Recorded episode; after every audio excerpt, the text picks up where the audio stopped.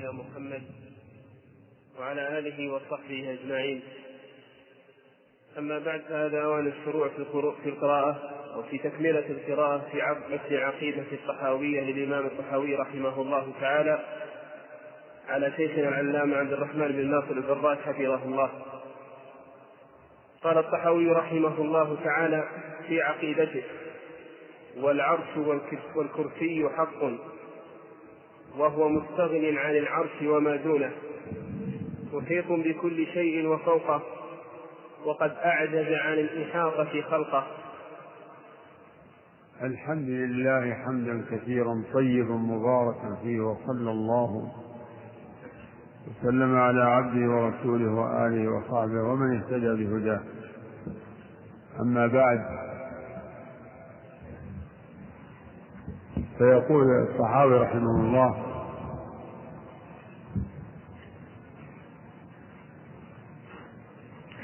والعرش والكرسي حق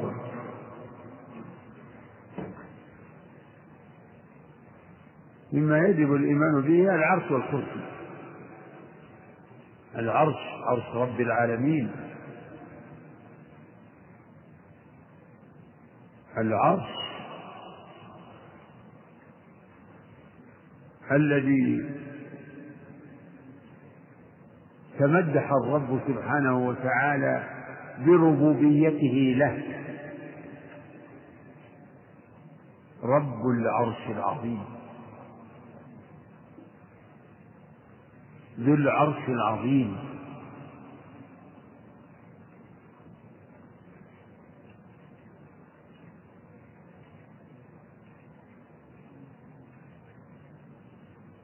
وأضافه تعالى إلى نفسه العرش.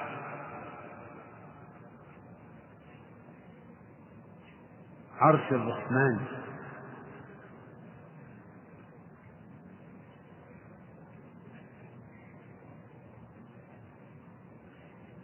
وجاء ذكر العرش في القرآن في مواضع. كثرة. يعني غاية الكثرة. وأخبر الله عن صفة العرش لأنه عرش عظيم وكريم ومجيد على إحدى القراءتين ذو العرش المجيد. وأخبر بأن له حملة العرش له حملة الذين يحملون العرش. ويحمل عرش ربك فوقهم يومئذ ثمانية.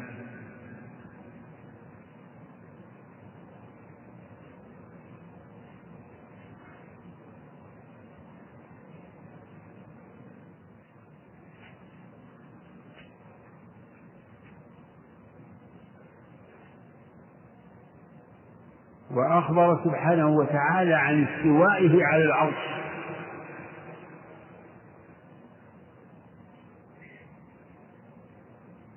وجاء في السنة وصف القرآن وصف العرش بأنه فوق السماوات مثل القبة.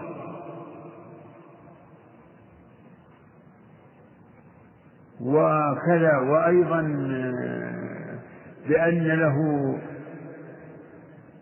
قوائم وكل هذا يجب الإيمان به من غير تعديد لكيفيته. فنحن مع هذا كله لا نتصور كيفية العرش. غيب. لكن مجموع الأدلة يدل على أن العرش هو سقف العالم فوق المخلوقات فوق السماوات.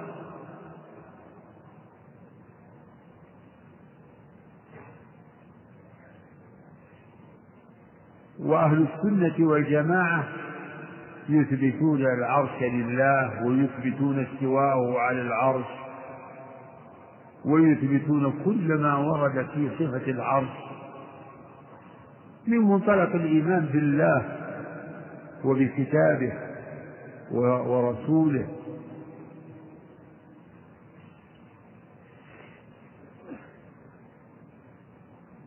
وأما المعطلة نفاة العلو أو نفاة الصفات كالجهمية نفاة جميع الصفات. فإنهم لا يثبتون العرش أو يتأولون النصوص التي فيها يتأولونها يعني في الحقيقة لا يثبتون حقيقة العرش التي دلت عليها النصوص. فيفسرون العرش بالملك. ثم استوى على العرش استولى على الملك. يعني فالعرش عبارة عن كل المخلوقات.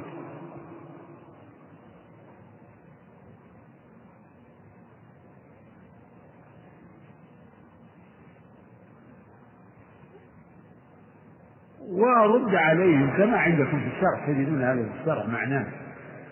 رد عليه بأن هذا لا يستقيم هذا التفسير لا يستقيم مع ما ورد من وصف العرش بأن له حملة. الذين يحملون العرش يحملون العرش الملك هذا لا يستقيم. نفس الحملة هم من جملة الملك من جملة ملك الله. وفي الحديث فإذا موسى باطش بقائمة العرش.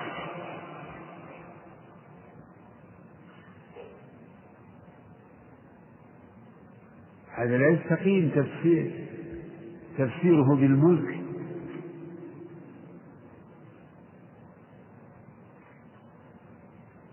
وهذا من تحريفات أهل البدع. من تحريفاتهم تفسير العرش بالملك.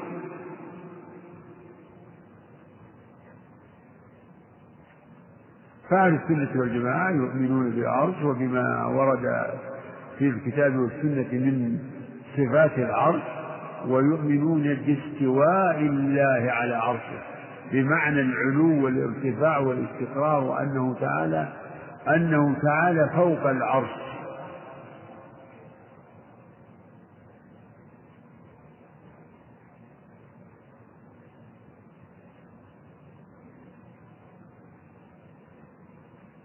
وأما الكرسي فلم يرد إلا في آية واحدة. آية الكرسي التي هي أعظم آية في كتاب الله. كما صح بذلك الحديث. أعظم آية في كتاب الله هي آية الكرسي. سميت بهذا لذكر الكرسي فيها. وسع كرسيه.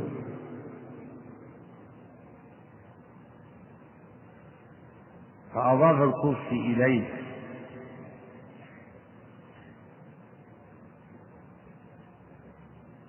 وإضافة العرش للرحمن أو إضافة الكرسي لا هو من إضافة المخلوق إلى خالقه وفي هذا تشريف تشريف للعرش وتشريف للكرسي. وسع كرسيه السماوات والأرض ولا يؤوده حفظهما وهو العلي العظيم. فهما مخلوقان.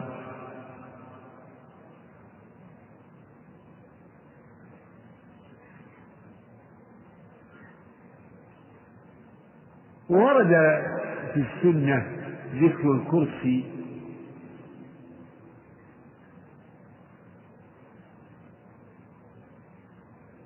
وأن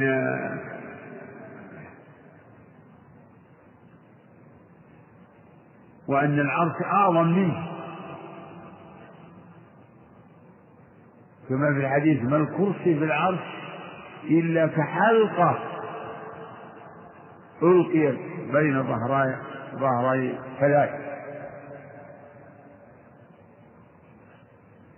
كحلقة في فلاة العرش عظيم وواسع. مع سعة العرش مع سعة الكرسي فالعرش أعظم منه. وقد اختلف المفسرون في الكرسي المذكور في الآية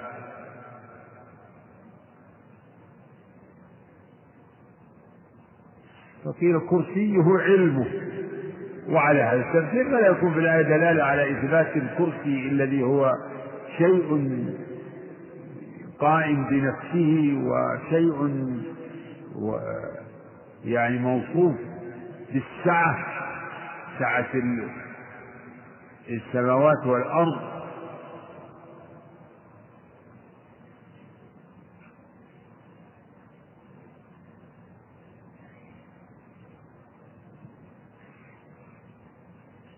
وقيل وفسر الكرسي بالعرش. وعلى هذا فليس هناك شيئان. ما هو إلا العرش. والثالث هو المشهور عن ابن عباس وعليه وهو المشهور من مذهب أهل السنة. إن الكرسي مخلوق عظيم وهو موضع قدمي الرب سبحانه وتعالى.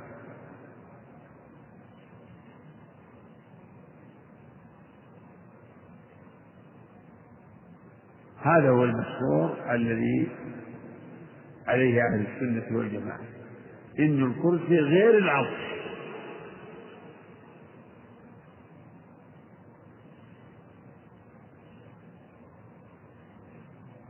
فهذا أرجح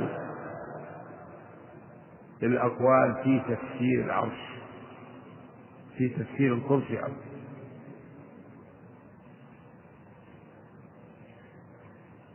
وبهذا يتبين إن إن أمر العرش أعظم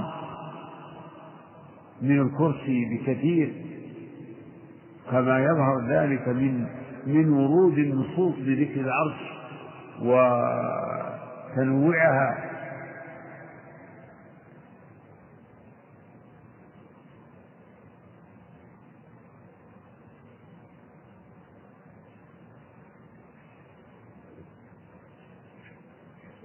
والله سبحانه وتعالى هو العلي العظيم هو العلي بكل معاني العلو فهو فوق جميع المخلوقات. له العلو ذاتا وقدرا وقهرا وهو العظيم الذي لا أعظم منه. فالمخلوقات كلها صغيرة صغيرة في جانب عظمته. وما قدر الله حق قدره والأرض جميعا قبضته يوم القيامة والسماوات مطويات بيمينه سبحانه وتعالى عما يشركون نعم جملة. قال رحمه الله وهو مستغن عن العرش وما دونه.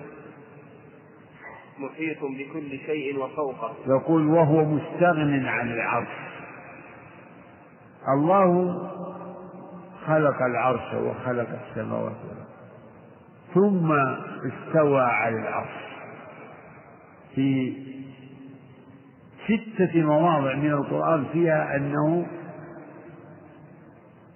استوى على العرش بعد خلق السماوات والأرض. ثم استوى على العرش. وفي الموضع السابع الرحمن على العرش استوى. استوى على وارتفع واستقر.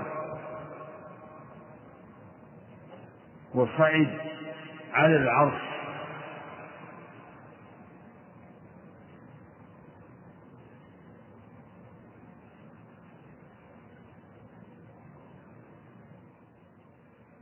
واستواءه على العرش. لا يستلزم حاجته إلى العرش. بل هو مستو على العرش مع غناه عن العرش. هو عن غني عن العرش مستغن عن العرش وما دون العرش. هو الممسك للعرش. هو الممسك للسماوات والأرض. إن الله يمسك السماوات والأرض أن تزولا ويمسك السماء أن تقع على الأرض إلا بإذنه. وهو الممسك للعرش.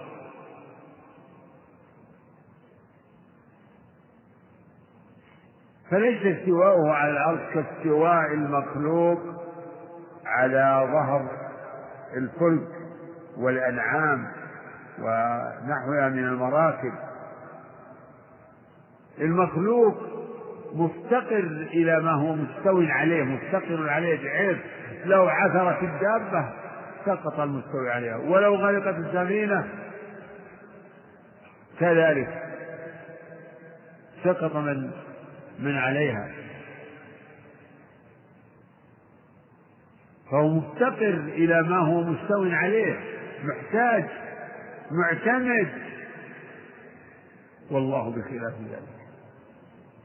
فاستواءه على العرش لا يستلزم افتقار ولا حاجته إلى العرش بل هو مستغن عن العرش وعن كل شيء.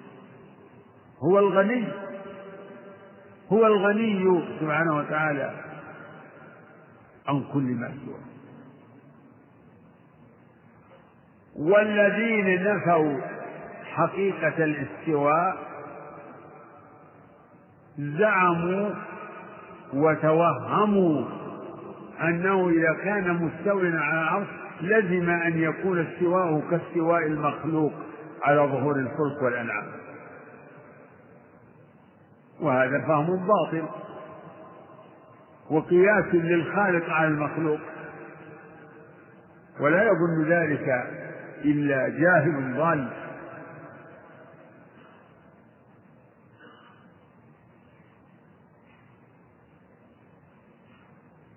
فاستواؤه على العرش صفة فعلية من صفاته من جملة أفعاله.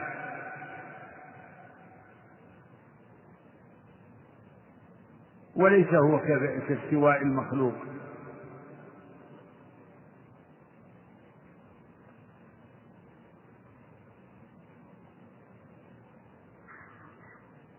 كما هو كما يقال مثل ذلك في سائر الصفات. فكما أن علمه ليس كعلمنا ولا قدرته كقدرتنا ولا سمعه وبصره ولا رؤيته رؤيته كرؤيتنا في الأشياء كذلك استواؤه على العرش ليس كاستوائنا.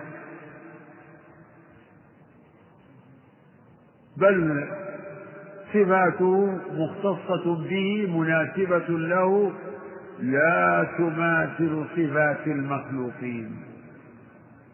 يقول المؤلف رحمه الله مستغن عن العرش وما دونه.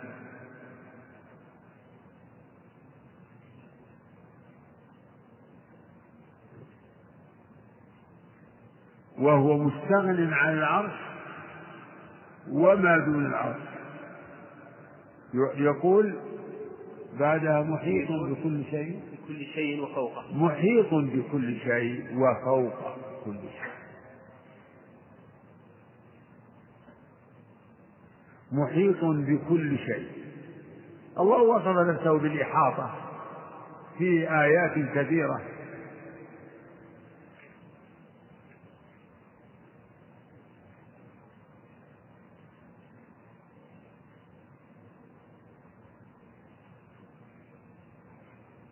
كقوله تعالى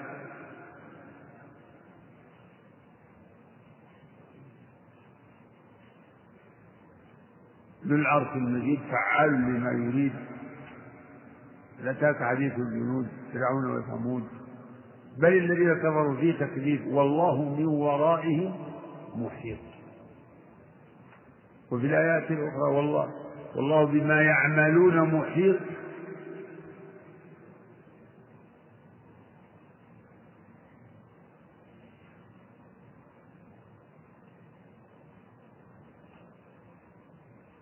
وقال سبحانه وتعالى لتعلموا أن الله على كل شيء قدير وأن الله قد أحاط بكل شيء علما.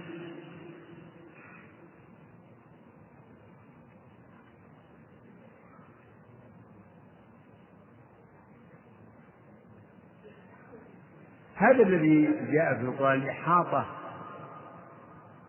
العلمية محيط علمه بكل شيء. أحاط بكل شيء علما الله بما يعملون محيط. والله من ورائهم محيط.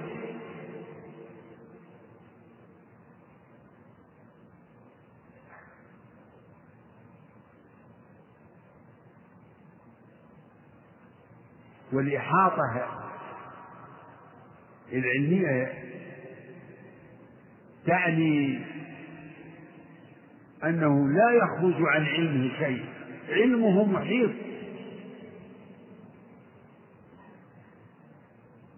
الشيء المحيط لغيره هو الذي يكون بالنسبة له من جميع الجوانب محيط به من جميع جوانبه. فعلم الله محيط بكل شيء.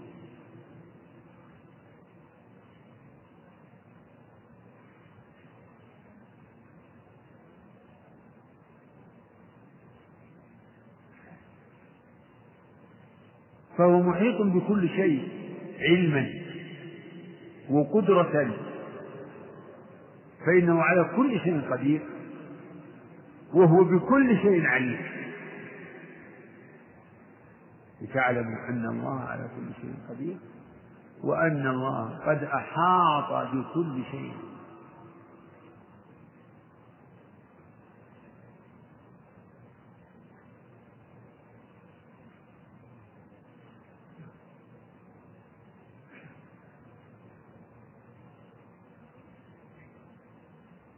أما إحاطة ذاتية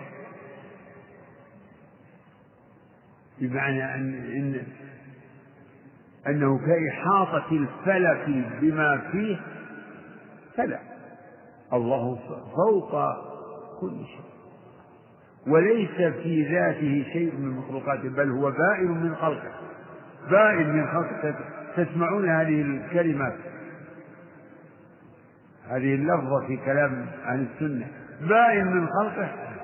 يعني أنه ليس في ذاته شيء من مخلوقاته ولا في مخلوقاته شيء من ذاته.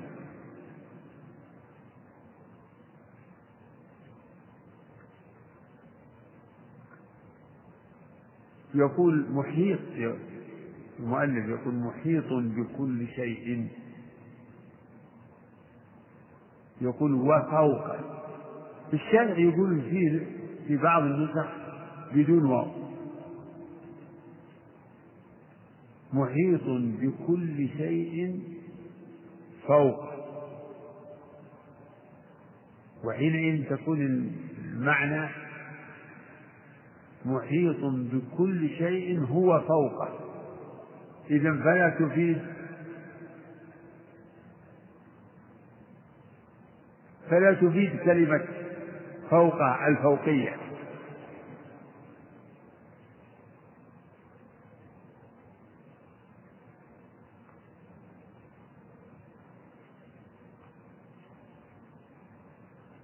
محيط بكل شيء فوقه. يعني هو فوقه. وأما على النسخة التي مشى عليها الشارع وفوقه. محيط بكل شيء وفوقه. تكون مفيدة لمعنى آخر. يعني محيط بكل شيء وفوق كل شيء. تكون الجملة مفيدة لأمرين. لإثبات الإحاطة وإثبات الفوقية. محيط بكل شيء وفوق كل شيء. أما الفوقية فقد جاء ذكرها في القرآن في مواضع مثل قوله تعالى وهو القاهر فوق عباده في موضعين. يخافون ربهم من فوقهم. وهذه الآيات أو وصف الله بالفوقية وفي السنة والله فوق العرش فوق. والفوقية القول فيها كالقول في العلو الفوقية في ثلاثة أنواع كالعلو. العلو ثلاثة أنواع. علو الذات وعلو القدر يعني وهو فوق الكمال. وعلو القهر في كل شيء. كذلك الفوقية يقال فوقية الذات والصفات. فوقية الذات والصفات. وفوقية القهر. فوقية الذات وفوقية القدر وفوقية القهر فوقية القدر هي فوقية الصفات. والنزاع الذي بين أهل السنة والمبتدعة إنما هو في علو الذات وفوقية الذات فوق كل شيء. فإن نفاة العلو ونفاة الفوقية يفسرون هذا بفوقية القدر. يقول قوله تعالى وهو القاهر فوق عباده. هذه كقولك الذهب فوق الفضة. الذهب فوق الفضة من حيث إيش؟ من حيث القدر. والقيمة.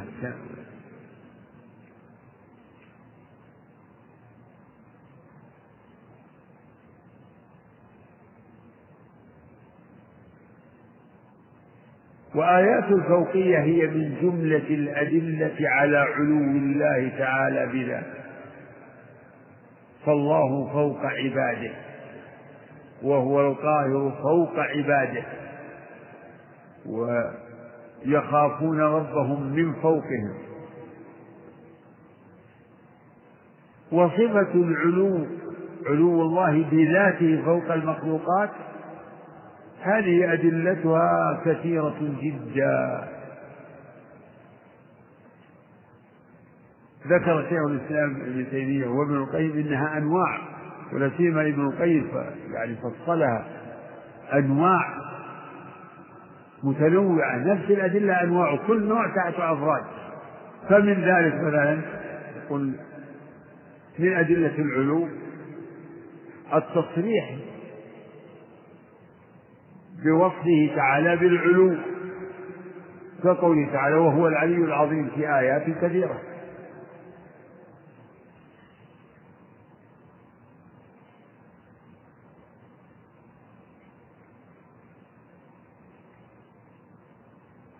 ومنها التصريح بالفوقية مثل هذه الآية. ومن التصريح بأنه في السماء. أأمنتم من في السماء. أم أمنتم من في السماء؟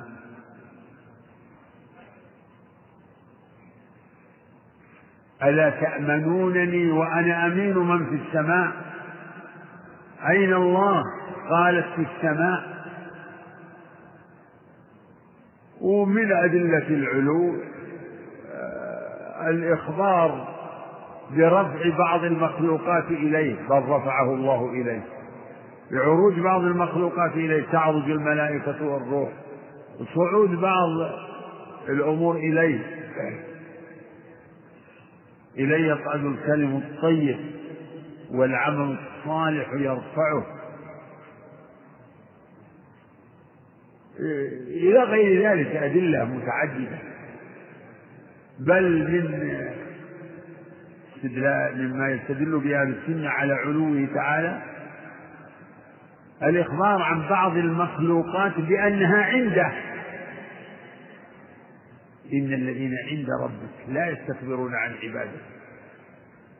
ومن عنده يسبحون له بالليل والنهار.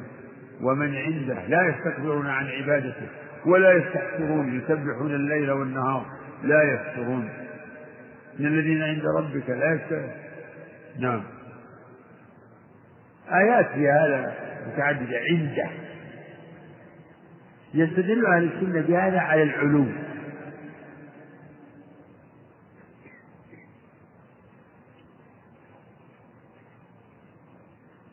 لأن هذا يدل على أن على خلاف ما يقوله المبتدعة نفاة العلو لأن الذين ينفون علو الله يقولون إنه في كل مكان. وإذا كان في كل مكان تعالى الله عن ذلك. فهل يكون بعض المخلوقات عنده دون بعض؟ لا. ما في. تصبح كل المخلوقات عنده. لأنه في كل مكان. فلا يختص الملائكة بقرب ولا يختص أحد من الخلق بقرب منه. ما في قريب وبعيد.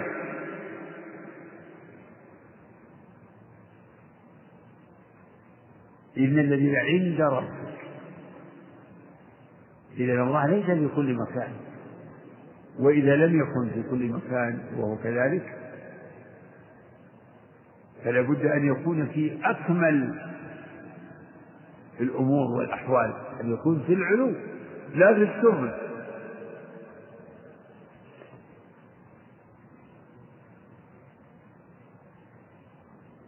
كما يستدلون بالسؤال عنه بأين؟ يعني من أدلة أهل السنة على إثبات علو الله بذاته على خلقه السؤال عنه بأين؟ كما قال عليه الصلاة والسلام للجارية أين الله؟ نفاة العلو يقول يعني عندهم أنه لا يجوز السؤال عن الله بأين؟ بأين؟ إنما يسأل بأين عن من هو في مكان؟ وعندهم أن الله ليس في مكان.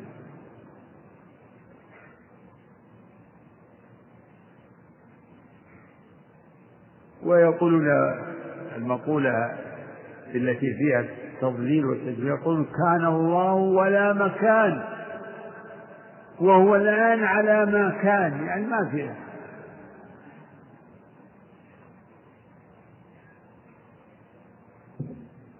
على ما كان. هذا هذا التعبير يتوصلون به إلى نفي نفي الاستواء على العرش.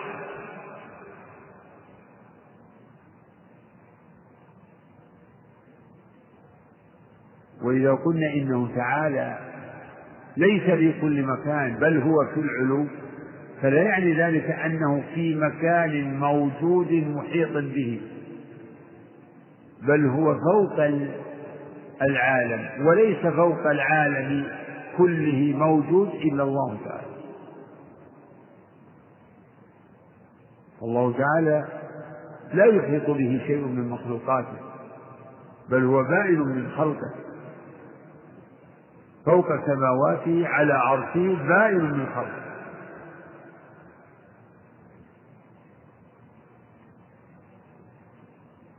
فتضمنت الجملة أعني قول الصحاوي محيط بكل شيء وفوقه. إثبات صفة الإحاطة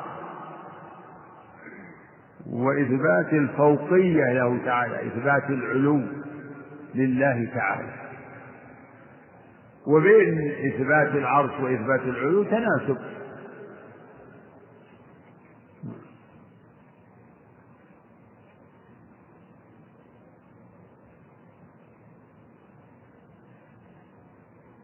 لأنه تعالى مستو على العرش.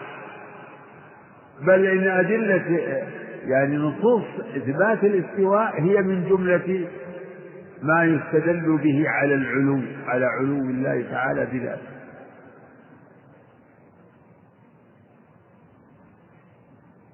هذا ما يتعلق بقول الطحاوي محيط بكل شيء وفوقه. وقد أعجز عن الإحاطة خلقه. يقول وقد أعجز عن الإحاطة خلقه. أعجز الخلق عن أن يحيطوا به. فلا يحيطون به علما. كما قال تعالى يعلم ما بين أيديهم وما خلفهم ولا يحيطون به علما العباد يعلمون ربهم يعرفونه به يعني بهدايته لهم.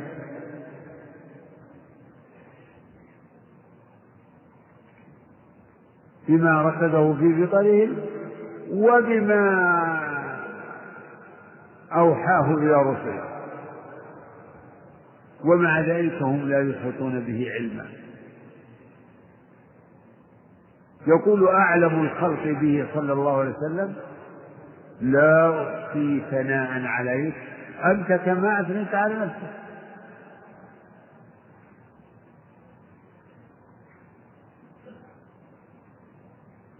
لا يحيط العباد بما له من الأسماء وبما له من الصفات ولا يحيطون علما بذاته ولا ولا ولا يحيطون بكيفية ذاته وكيفية صفاته لا يعلمون شيء وكذلك في الرؤيا وإن رأوه لا يحيطون به رؤية لا تدركه الأبصار. لا تحيط به الأبصار.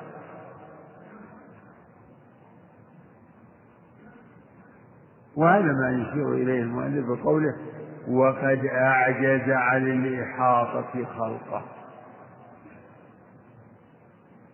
نعم.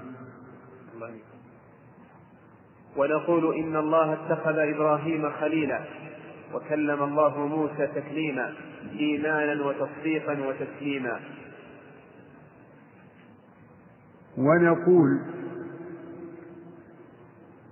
ونقول إن الله اتخذ إبراهيم خليلا وكلم الله موسى تكليما. نقول نحن أهل السنة إن الله اتخذ إبراهيم خليلا. كما أخبر هذا بذلك في كتابه. واتخذ الله إبراهيم خليلا. وكما أخبر بأنه كلم موسى تكليما كما قال سبحانه وكلم الله موسى تكليما.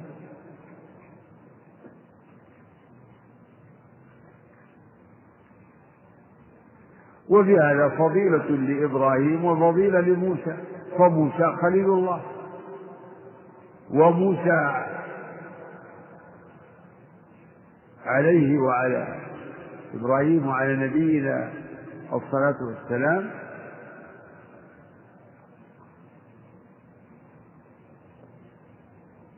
موسى كلم الله وإبراهيم خليل الله بنص القرآن.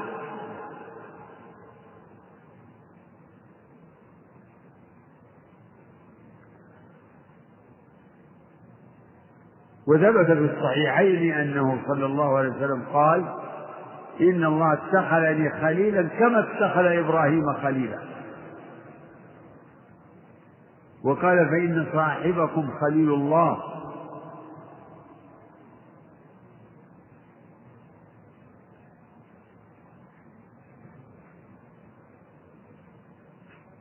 وهذا راجع إلى أن أهل السنة يثبتون المحبة ويثبتون الكلام لله. فيقول إن الله يحب ويحب. على حد قوله تعالى يحبهم ويحبونه إن الله يحب المتقين إن الله يحب التوابين ويحب المتطهرين. ويكلم ويتكلم. فيثبتون صفة المحبة وصفة الكلام.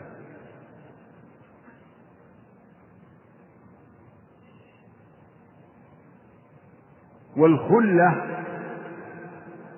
هي أكمل المحبة.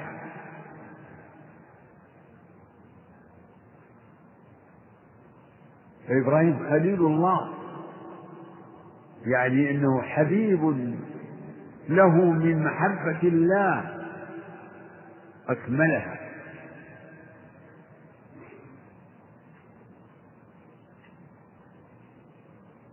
له من محبة الله. ما يتبوأ به هذه المنزلة منزلة الخلة التي هي أعلى درجات المحبة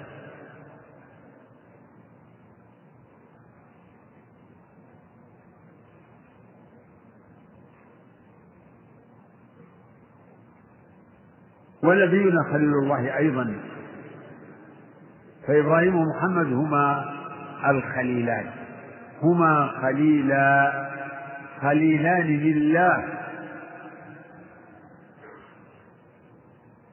وأما ما ورد من أن إبراهيم ما ورد في في في حديث أن إبراهيم خليل الله يقول وأنا حبيب الله. فهذا عند حديث ضعيف. وقد تعلق به بعض الجهلة وأهل الغلو فيسمون الرسول حبيب حبيب الله حبيب الله.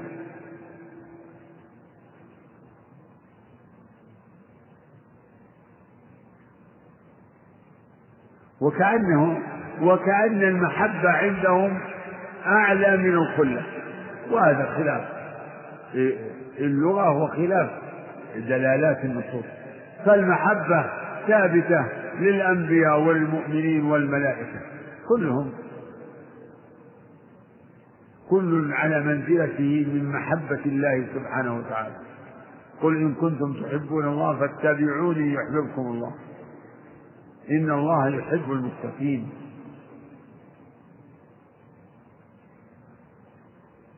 إن الله يحب المتقين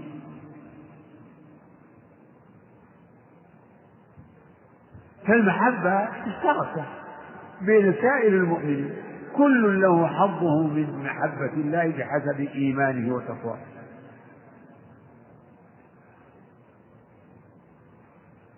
فوصف الرسول بأنه حبيب الله فقط. ليس فيه يعني خصوصية ولا تمييز. كل مؤمن هو حبيب لله يعني محبوب لله يعني محبوب لله.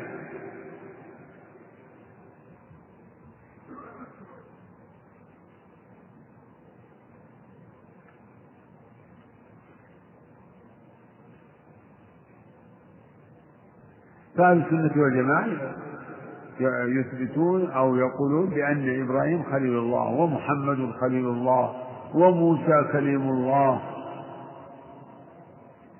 ويثبتون لله صفة المحبة وصفة الكلام والتكليم والأدلة على إثبات صفة المحبة كثيرة في القرآن كما تقدم وكذلك صفة الكلام. ففي القرآن آيات كثيرة فيها إثبات صفة الكلام لله تارة بلفظ القول وقال الله لا تتخذوا وإذ قال ربك للملائكة.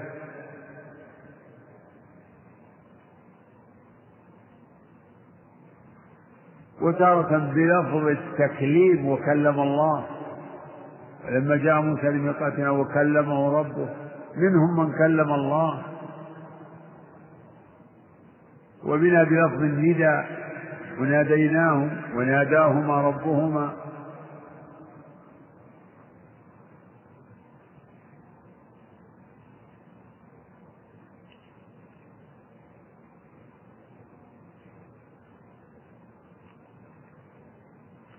والمعطلة من الجهمية والمعتزلة ومن تبعهم ينفون هذا الصفة. فالجميع يقولون إنه لا يحب ولا يحب. لا يحب. لا يحب أحد. ولا يحب. لأن المحبة ميل الشيء إلى ما يناسبه. ولا تناسب بين الخالق والمخلوق.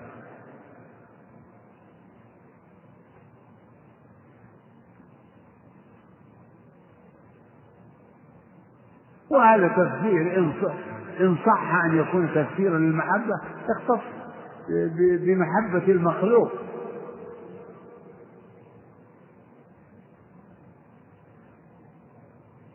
فالمحبة معنى معقول.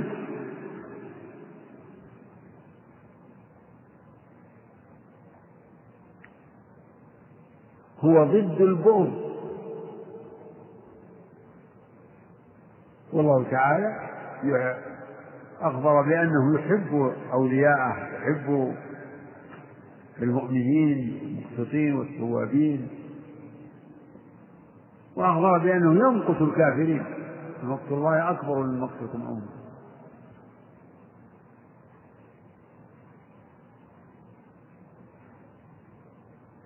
ثم نفاة المحبة منهم من يفسر المحبة. من الله بإرادة الإنعام أو يفسرها بنفس النعم المخلوقة ويفسر البغض بإرادة الانتقام أو بنفس العقوبة. المهم من نفي حقيقة المحبة عن الله.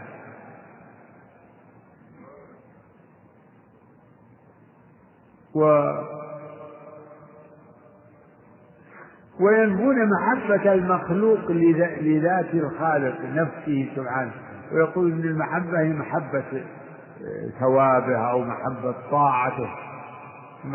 إنما المحبة لا تتعلق إلا بالمخلوق.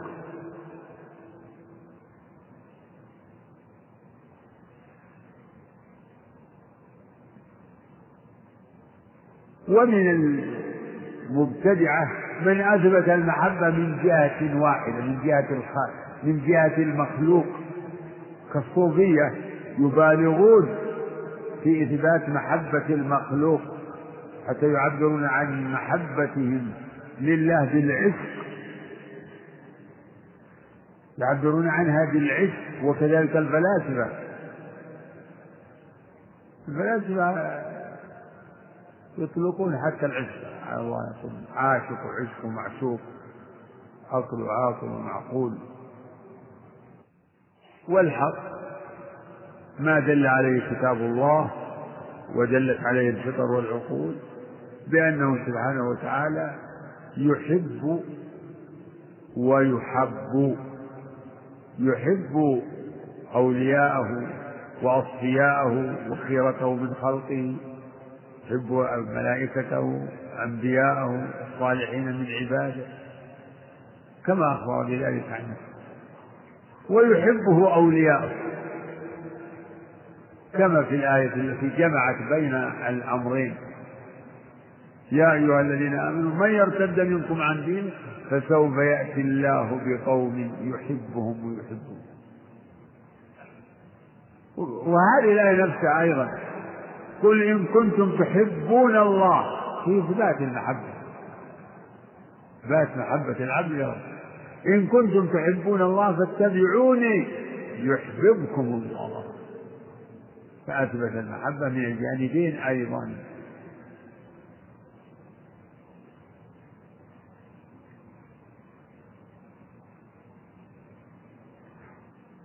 وفي وكل صفة تثبت لله تعالى فليست مثل صفة المخلوق فليس حبه كحبنا وليس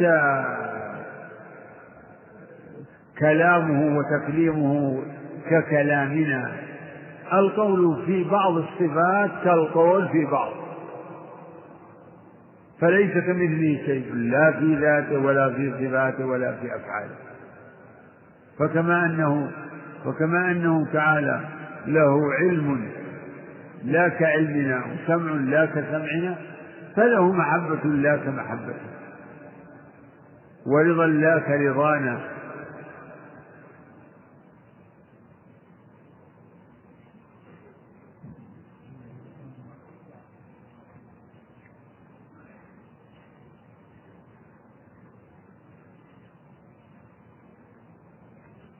وأما ما ذكره الشارح من الكلام من الكلام في الخلة وقول الشاعر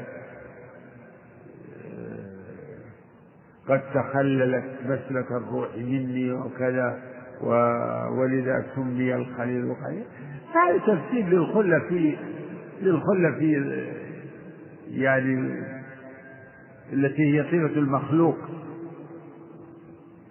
صفة المخلوق.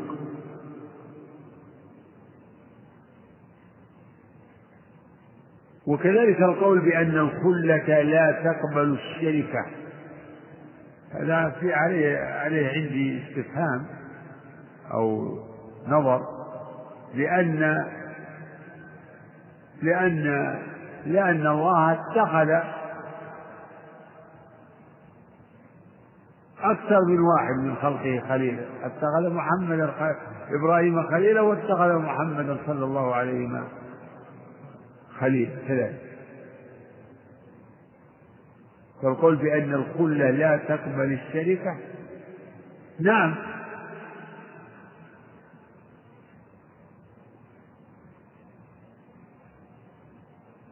من كان الله خليله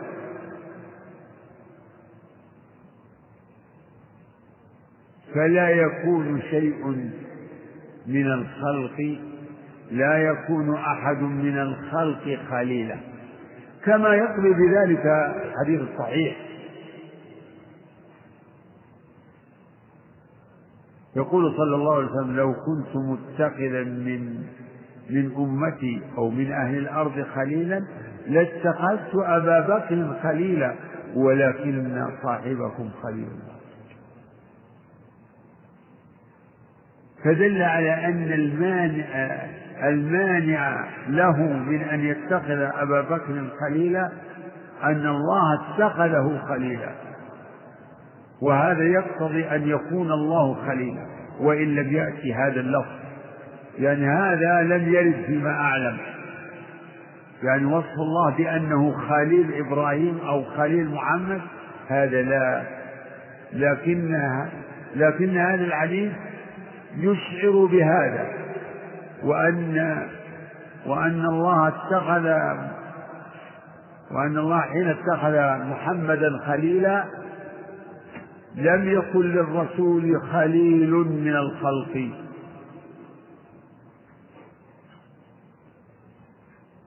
وأن ذلك يقتضي أن الله خليله.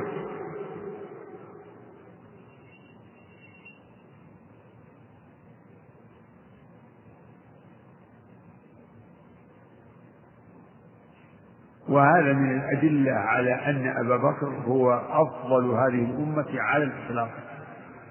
صديق الأمة وخير هذه الأمة بعد نبيها.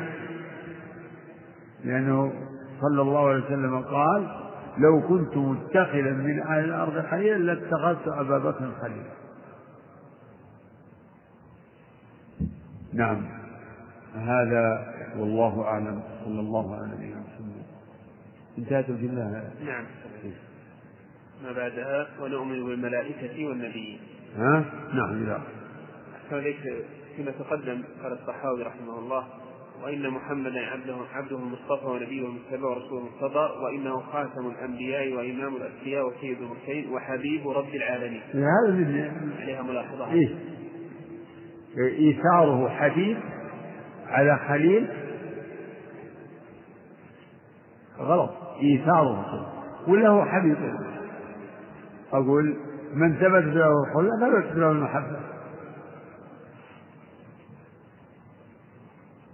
الله إليك أسئلة الإخوة مصدرة بمحبتهم لكم. الله يجعلنا وإياكم من المتحابين فيه الله المستعان. نعم. يقول السائل يا شيخ هل يصح فضيلة الشيخ هل يصح تفسير المقام المحمود؟ بإجلاس النبي صلى الله عليه وسلم على العرش التفسير المعروف المشهور هو مقام الشفاعة الكبرى. أما تفسيره بالإجلاس فهذا لم يثبت على الرسول صلى الله عليه وسلم وهو مشهور عن مجاهد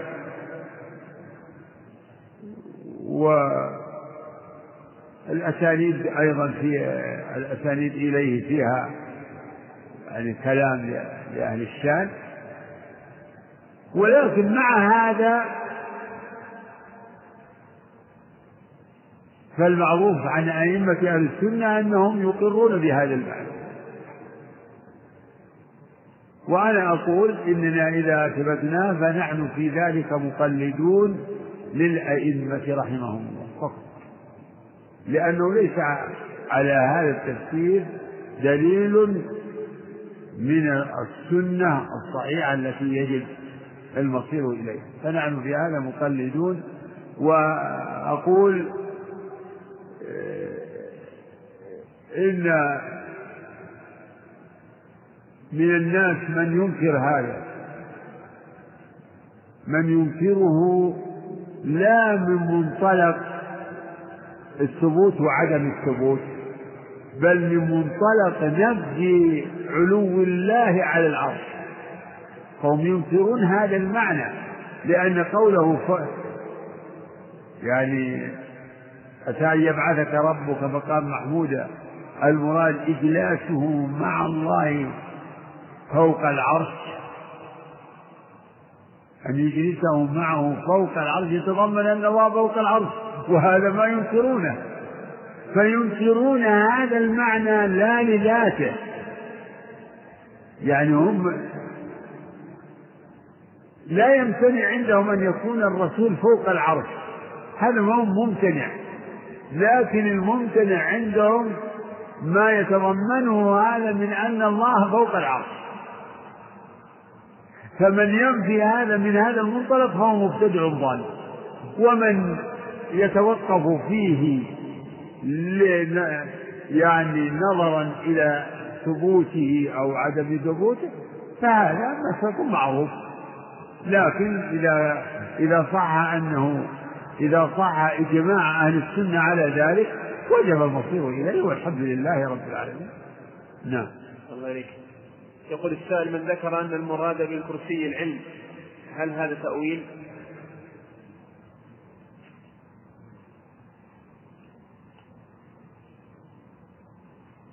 كأنه الذين ذكروه يقولون إن الكرسي يأتي في اللغة بمعنى العلم.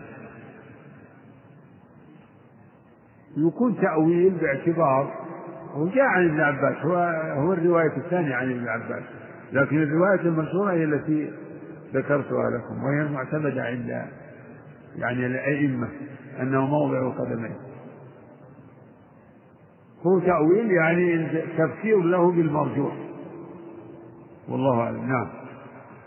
سائل يسأل عن معنى قوله تعالى وعرشه على الماء. عرشه على الماء؟ على الماء والله ما أدري السؤال عرشه على الماء عرشه على الماء. يعني فوق الماء. آه. عندك السؤال؟ وما ذكر الآية خطأ يقول واستوى عرشه على الماء. بعد يقول واستوى عرشه. لا هو هو السائل. يأتي يقول ما المقصود بقوله تعالى واستوى عرشه على الماء؟ هذه غلط. حتى ما في قول. ما في استوى عرشه على الماء. هذا غلط في الآية. وكان عرشه على الماء. هذا جاء في الآية من سورة هود وهو الذي خلق السماوات والأرض في ستة أيام وكان عرشه على الماء. وجاء في حديث عبد الله بن عمرو بن العاص أن الله قدر مقادير الخلق قبل أن يخلق السماوات والأرض بخمسين ألف سنة وكان عرشه على الماء.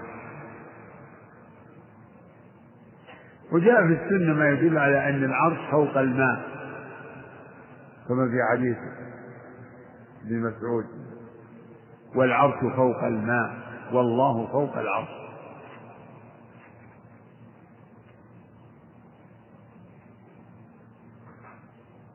وهل أنت السائل اللي فسرت السؤال؟ السائل؟ أنت؟ أقول أنت السائل؟ خلاص إذا السائل ما ندري عنه مراده نعم. هذا سؤال من الانترنت يقول كيف نرد على من قال عيسى كلمة الله التي ألقاها إلى مريم أنها دليل على أن القرآن مخلوق؟ لا إله إلا الله. أولا القول بأن القرآن مخلوق مبني على باطل. وهو نفي الكلام عن الله. إن الله لا يتكلم. إذا كان الله لا يتكلم كل فكل كلام مخلوق. خلاص. فالأصل الذي بني عليه القول بأن القرآن مخلوق هو قول باطل مبني على باطل. مبني على أن الله لا يتكلم. سبحانك هذا بهتان عظيم. هذا من أقبح الأقوال وأعظم التنقص. لا يتكلم. يعني سبحان الله العظيم إن الإنسان من عوفي فليحمد الله احمدوا ربه. من عوفي فليحمد الله. من يدعي أنه يعظم الله وهو يقول إنه لا يقوم به كلام ولا كذا ولا كذا ولا كذا؟ سبحان الله. الكلام كمال. يعني صفة الكلام ثابتة بالعقل والسمع لأن الكلام كمال.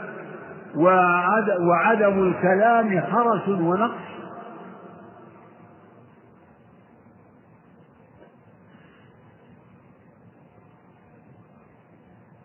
أما كون عيسى كلمة الله فهذا معناه عند أهل السنة فسروه كلمة الله لأنه كان بكلمة كن الرسول عليه الصلاة والسلام جاء في الحديث أنه يقول أنا دعوة أبي إبراهيم. هو دعوته؟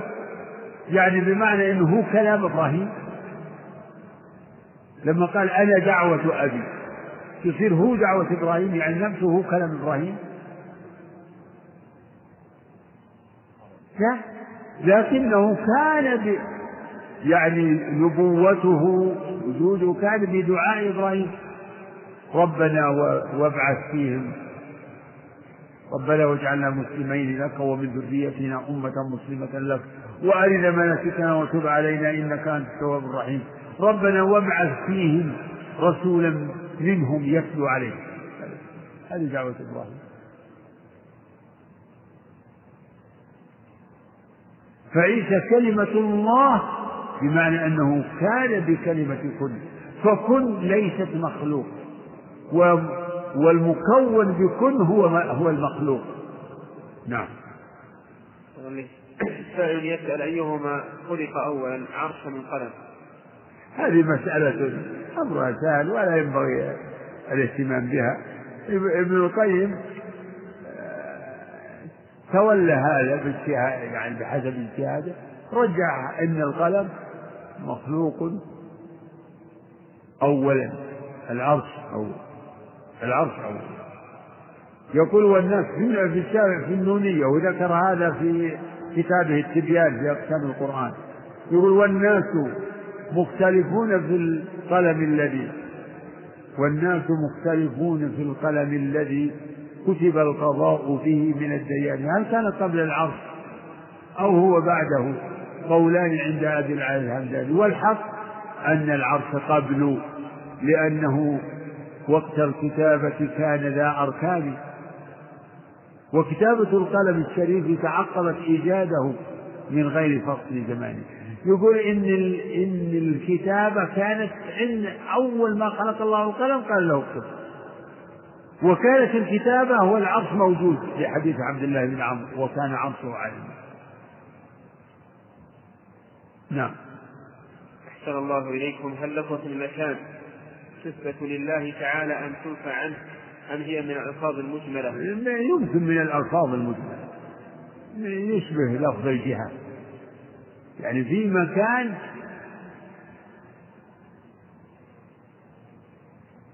ليس ذلك المكان مكان وجودي وكان وجودي يحيط به ويحصره. لا. هو فوق. كلمة فوق أليست تسمى في اللغة ظرف؟ لكن ما هو ظرف وجودي فوق وفوق العالم فوق العالم. ليس فوق العالم شيء موجود. ليس فوق العالم شيء موجود إلا الله سبحانه وتعالى. نعم. أحسن الله إليكم. هذا السائل يسأل عن تفسير الإحاطة بأنها العلم القدرة.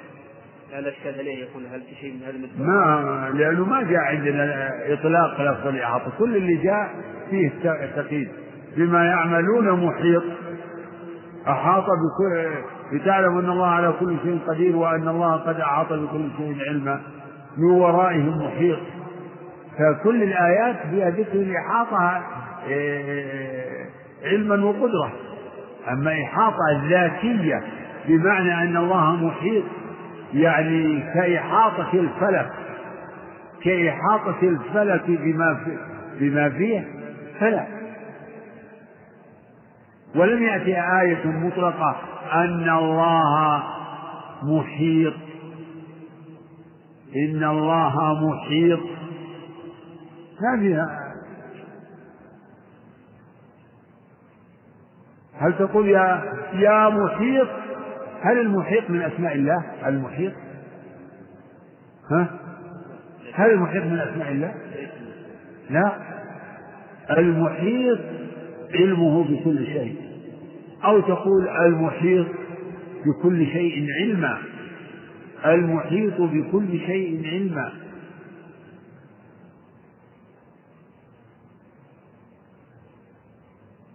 نعم. هذه سائلة تسأل من الانترنت تقول فضيلة الشيخ السلام عليكم ورحمة الله وبركاته. وعليكم السلام ورحمة الله وبركاته. ما الفرق بين الإنعام وإرادة الإنعام في مفهوم المبتدعة؟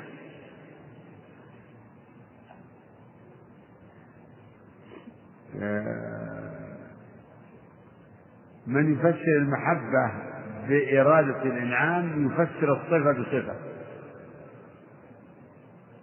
فسر صفة بصفة يعني من الأشاعر يثبتون صفة الإرادة فإذا وينفون حقيقة المحبة فيفسرونها بالإرادة فيفسرون المحبة بصفة يثبتونها وهي الإرادة. فالمحبة إرادة الإنعام والبغض أو الغضب إرادة الانتقام. أما إذا قالوا إن المحبة هي الإنعام فيريدون به نفس النعم نفس النعم المخلوقة. نفس النعم المخلوقة. يعني يقولون يقولون مثلا ما يحصل للعباد المؤمنين من تيسير أمور من من خير من سعة من غلبة على العدو. هذه هي نفسها المحبة هي نفسها الإنعام. نفسها الإنعام. الحاصل إن من يفسر. بعض الصفات بالإرادة معناه فسر الصفة بالصفة. ومن يفسرها بالإنعام هو يساوي تفسيرها بالنعم. يفسرها بالنعم لأن عند لأن هؤلاء ليس عندهم فعل يقوم بالرب تعالى. آخر سؤال. سؤال في الانترنت هل يجوز استخدام الوقت لأغراض خاصة؟ مدري إيش؟ استخدام الوقت. الوقت؟ نعم. لأغراض خاصة. ما يجوز. استخدام الوقت لأغراض خاصة. وهذا سؤال مجمل يحتاج إلى تحديد. هات يا سائل يا صاحب السؤال هات سؤالك يعني الجزئية اللي عندك. المصحف إذا أخذته من المسجد تقرأ فيه هو الآن يعني استخدمته لنفسك ولك الحق. لك حق أنك تقرأ فيه ما في المسجد. وقراءتك عمل خاص بك. ما دام معك فهو فأنت مختص به. لكن ليس لك أن أن تخرج به من المسجد وتحطه في بيتك تقرأ فيه. هذا مثال صغير وقريب. ولا يتضح الجواب تماما إلا إذا حدد السائل الجزئية التي عنده حتى نستطيع أن حتى يكون الجواب أيضا محدد. وفق الله الجميع. نعم.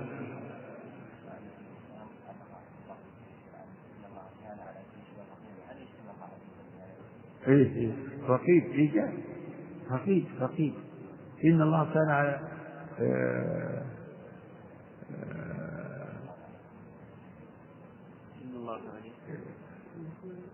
في هذا المعروف إنه رقيب مثل شهيد. الله على كل شيء شهيد. نعم الله شهيد. اي ولو كان. لا المحيط ما المحيط ما لأن الإحاطة لها دلالة أما شهيد ما يتغير المعنى. شهيد شهيد. شهيد على كل شيء. شهيد شهيد على كل شيء. لا إله إلا الله. وفق الله الجميع. نعم تفضل. الحمد لله رب العالمين. صلى الله وسلم وبارك على نبينا محمد وعلى آله وصحبه أجمعين. قال الإمام الطحاوي رحمه الله تعالى ونؤمن بالملائكة والنبيين ونؤمن بالملائكة والنبيين والكتب المنزلة على المرسلين ونشهد أنهم كانوا على الحق المبين. ونسمي أهل قبلتنا مسلمين. الحمد لله وصلى الله وسلم وبارك على عبده ورسوله وعلى آله وصحبه.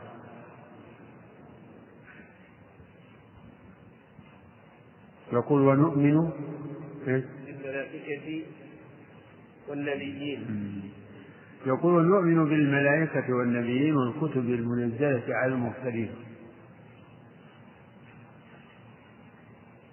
يذكر رحمه الله في هذا.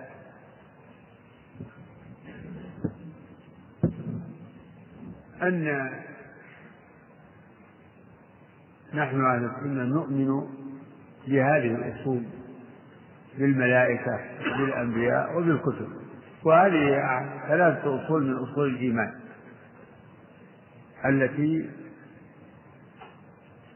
ذكرها الرسول صلى الله عليه وسلم في جوابه لجبريل حيث قال الإيمان أن تؤمن بالله وملائكته وكتبه ورسله واليوم الآخر وتؤمن بالقدر خيره وشره.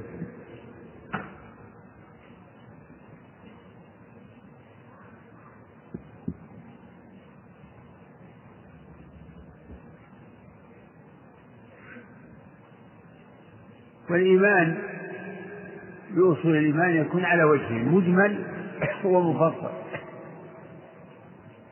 فأما الإيمان بهذه الأصول إجمالا فهو فرض عين على كل مكلف.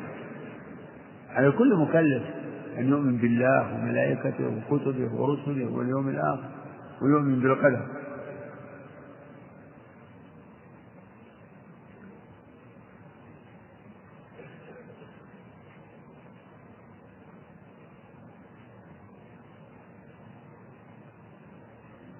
والإمام الطحاوي رحمه الله في هذه العقيدة لم يراعي الترتيب. ترتيب مسائل الإيمان.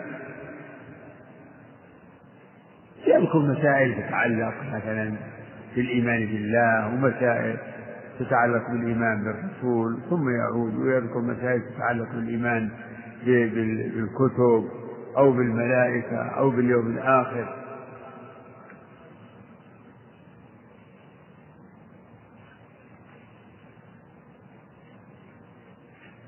من غير مراعاة للترتيب.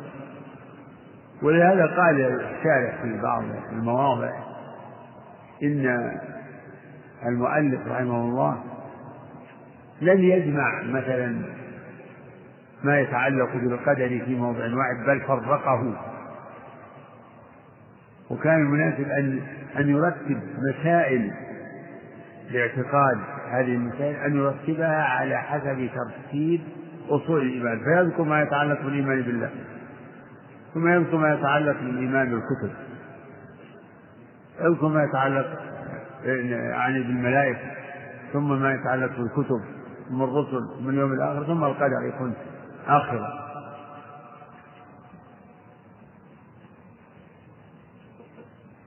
هذا ما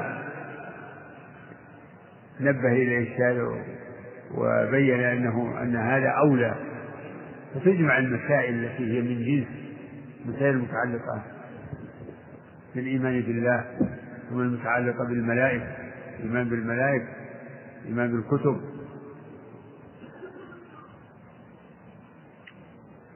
ولكن في الحقيقة هذا التفريق له عندي له فائدة. وهو أن تبقى الصلة بهذه الأصول مستمرة. يعني ما تنقطع الصلة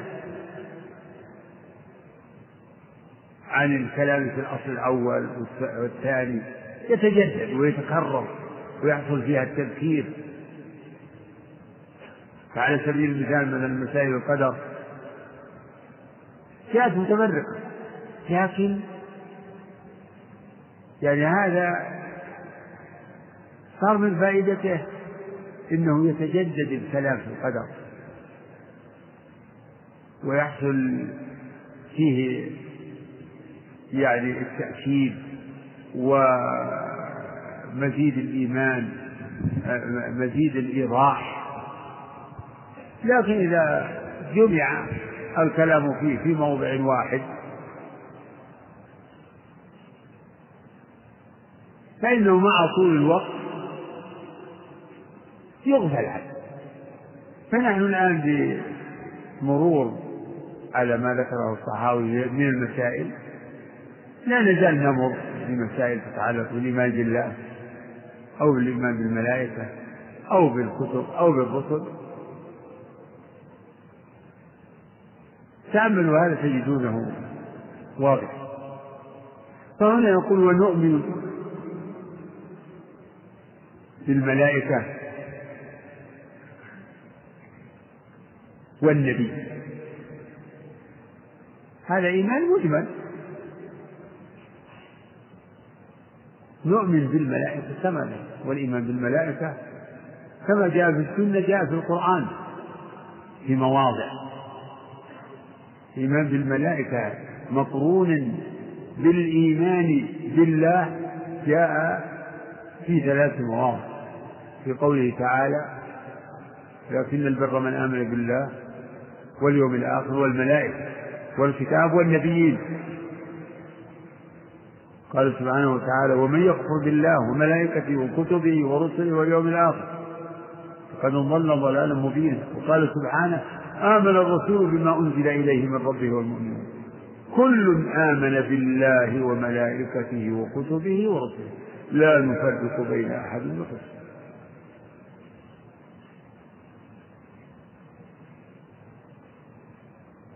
فنؤمن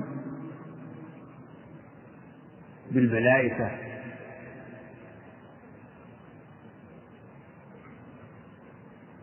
الذين وصفهم الله بصفات كريمة قال عنهم بل عباد مكرمون لا يسبقونه بالقول وهم بأمره يعملون. يعلم ما بين أيديهم وما خلفهم ولا يشفعون إلا لمن ارتضى وهم من خشيته مشفقون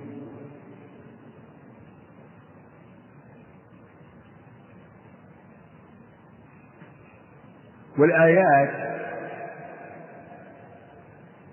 والأحاديث في ذكر الملائكة كثيرة جدا. فيجب الإيمان بكل ما أخبر الله به وأخبر به رسوله عنه من أمر الملائكة.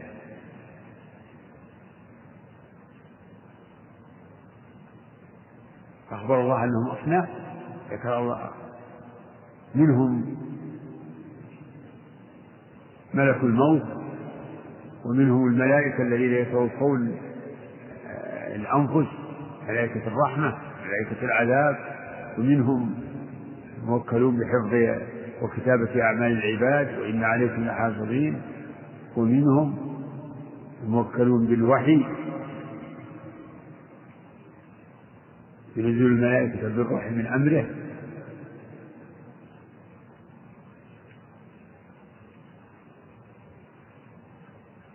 ولم يثبت من أسماء الملائكة إلا أربعة جبريل وميكائيل وإسرافيل. كما ذكر كما ذكروا في حديث عائشة رضي الله عنها.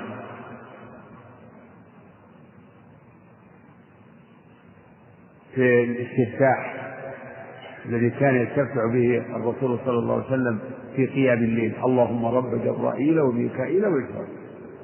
كذلك مالك خازن النار. ذكر اسمه في القرآن. ونادوا يا مالك ليقضي علينا وجبرائيل وميكائيل ذكرا في القرآن.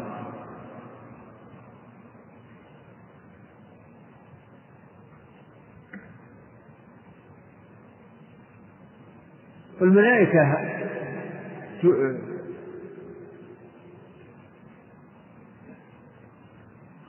خلق من خلق الله. يجب الإيمان بأنهم عباد مخلوقون مربوبون مدبرون ليسوا بآلهة كما ظن المشركون وليسوا بنات الله كما افترى المفترون. أم خلقنا الملائكة إناثا وهم شاهدون ألا إنهم من إفكهم ليقولون ولد الله إنهم لكاذبون تفتهم ألربك البنات ولهم البنون؟ أم خلقنا الملائكة إناثا وهم شاهدون؟ ألا إنهم من إفكهم ليقولون ولد الله وإنهم لكاذبون.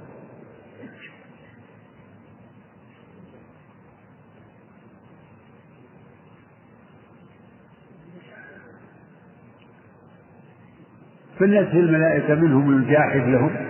المنكر لوجوده ومنهم المتعول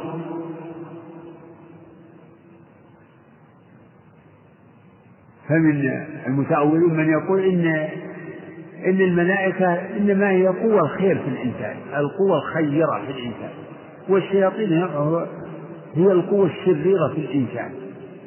يعني فليسوا خلقا قائمين بأنفسهم يتصرفون. ولهم أفعال ويتكلمون. لا. وهذا خلاف ما ما أخبر الله به في كتابه من أمر الملائكة فهم عباد عابدون لله مطيعون في غاية من العبودية والطاعة لرب العالمين. يسبحون الليل والنهار لا يفترون لا يستكبرون عن عبادته ويسبحونه وله يسجدون. وذكر الله يعني ما كان ما دار بينه وبين الملائكة في أمر خلق آدم وإذ قال ربك للملائكة وإذ قال ربك للملائكة إني جاعل في الأرض خليفة قالوا أتجعل فيها من يفسد فيها ويسفك الدماء إلى آخر القصة في البقرة وفي سور عديدة.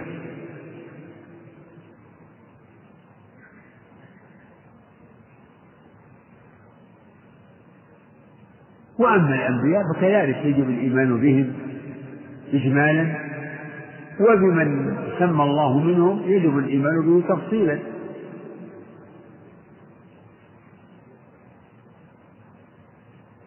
وقد ذكر الله الإيمان بالرسل في الآيات الثلاث التي ذكرتها وذكر في سور أخرى في آيات أخرى. ولقد أرسلنا رسلا من قبلك ولقد أرسلنا رسلا من قبلك وجعلنا لهم أزواجا وذرية ورسلا قد قصصناهم عليك من قبل ورسلا لم نقصصهم عليك. فرسل الله وأنبياءه كثيرون. هم كثيرون. لكن منهم من قص الله علينا من أخبارهم ومنهم من لم يقص عليه ولم يذكر لنا. ومنهم من ذكر اسمه ولم يذكر يعني تفصيل من من خبره.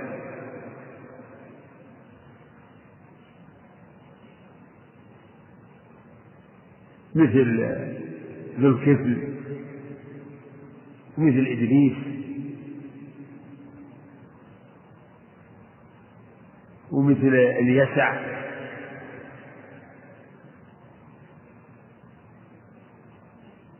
قص الله علينا أخبار أنبياء كثيرين كنوح وهود وصالح شعيب إبراهيم ولوط وموسى. فيجب الإيمان بما أخبر الله به عن الأنبياء والمرسلين. إجمالا وتفصيلا. فأما الإيمان بهم مجملا فهو فرض عين كما تقدم. وأما معرفة أخبارهم تفصيلا فهو فرض كفاية. ويجب على من علم شيئا من علم التفصيل أن يؤمن به.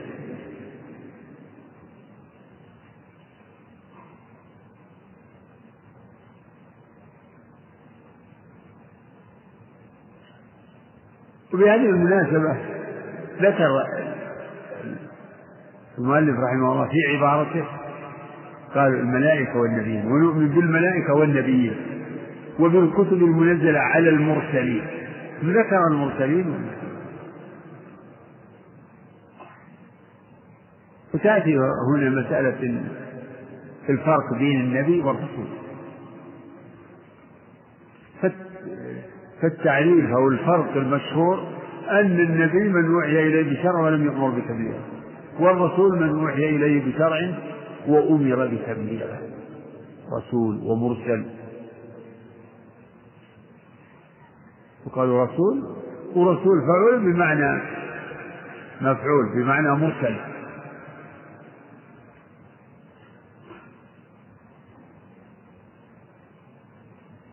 وهذا التعريف أو الفرق ليس بمستقيم وذلك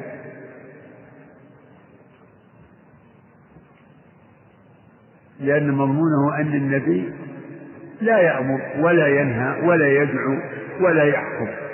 من وحي إليه بشرع ولم يؤمر بتبليغه.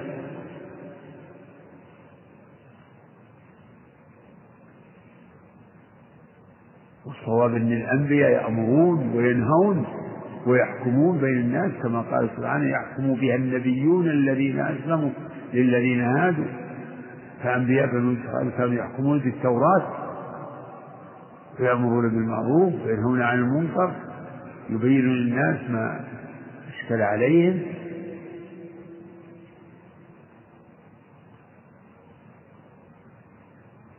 إذا فكل نبي هو مرسل بهذا الاعتبار بهذا الإعتبار فيبقى إذا ما الفرق بين النبي والرسول؟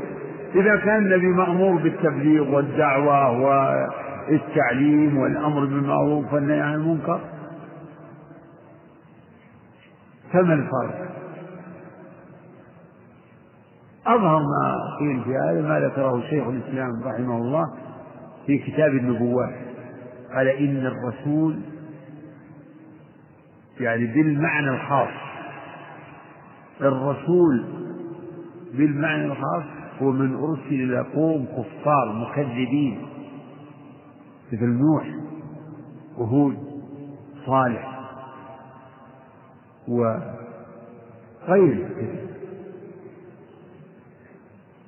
وأما النبي فهو من أرسل إلى قوم مؤمنين. مرسل لكن إلى قوم مؤمنين يعلمهم ويبين لهم آه، ما أشكل عليهم من كتابهم يبين لهم يأمرهم بالمعروف ينهاهم عن المنكر يحكم بينهم. ولعل مثل هذا بداود السلام وسليمان وزكريا ويحيى. فهؤلاء كلهم فيما يظهر إنهم يعني أنبياء وليسوا رسلا بالمعنى الخاص.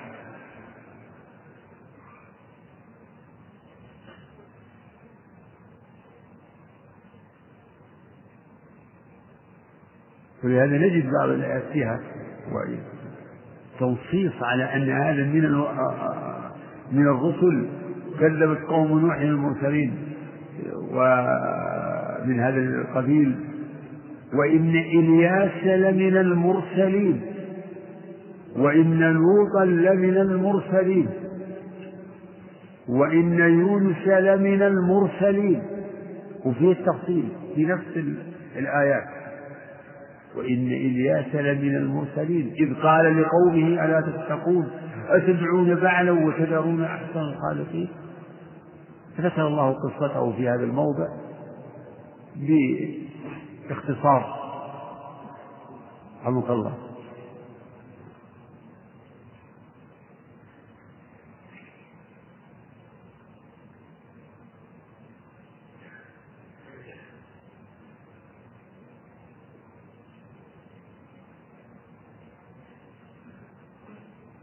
فهذا هو الفرق بين النبي والرسول.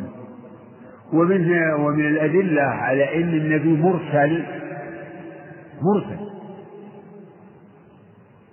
قوله تعالى وما أرسلنا من قبلك من رسول ولا نبي. وما أرسلنا من قبلك من رسول ولا نبي. فأضاف الإرسال إلى النبي وإلى الرسول. فتبين أن الإرسال الشرعي الإرسال الشرعي نوعين إرسال عام يشمل الأنبياء وإرسال خاص. فالإرسال العام هو المذكور في الآية وما أرسلنا من قبلك من رسول ولا نبي وما أرسلنا من قبلك وما أرسلنا من قبلك من رسول ولا نبي إلا إذا تمنى الآية.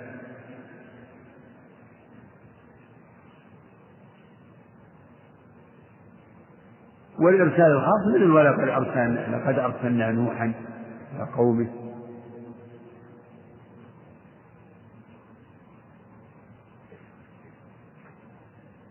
ولقد أرسلنا موسى.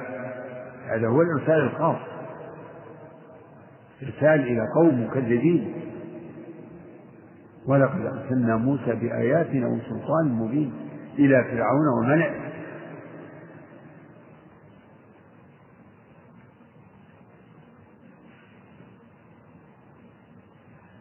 والأصل الثالث من أصول الإيمان فيها في عبارة المؤلف رحمه الله.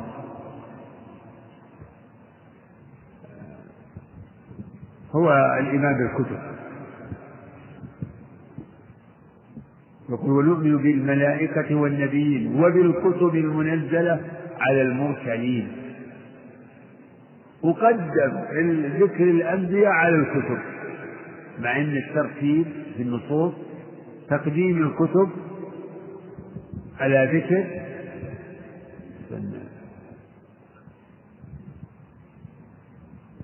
على ذكر الرسل.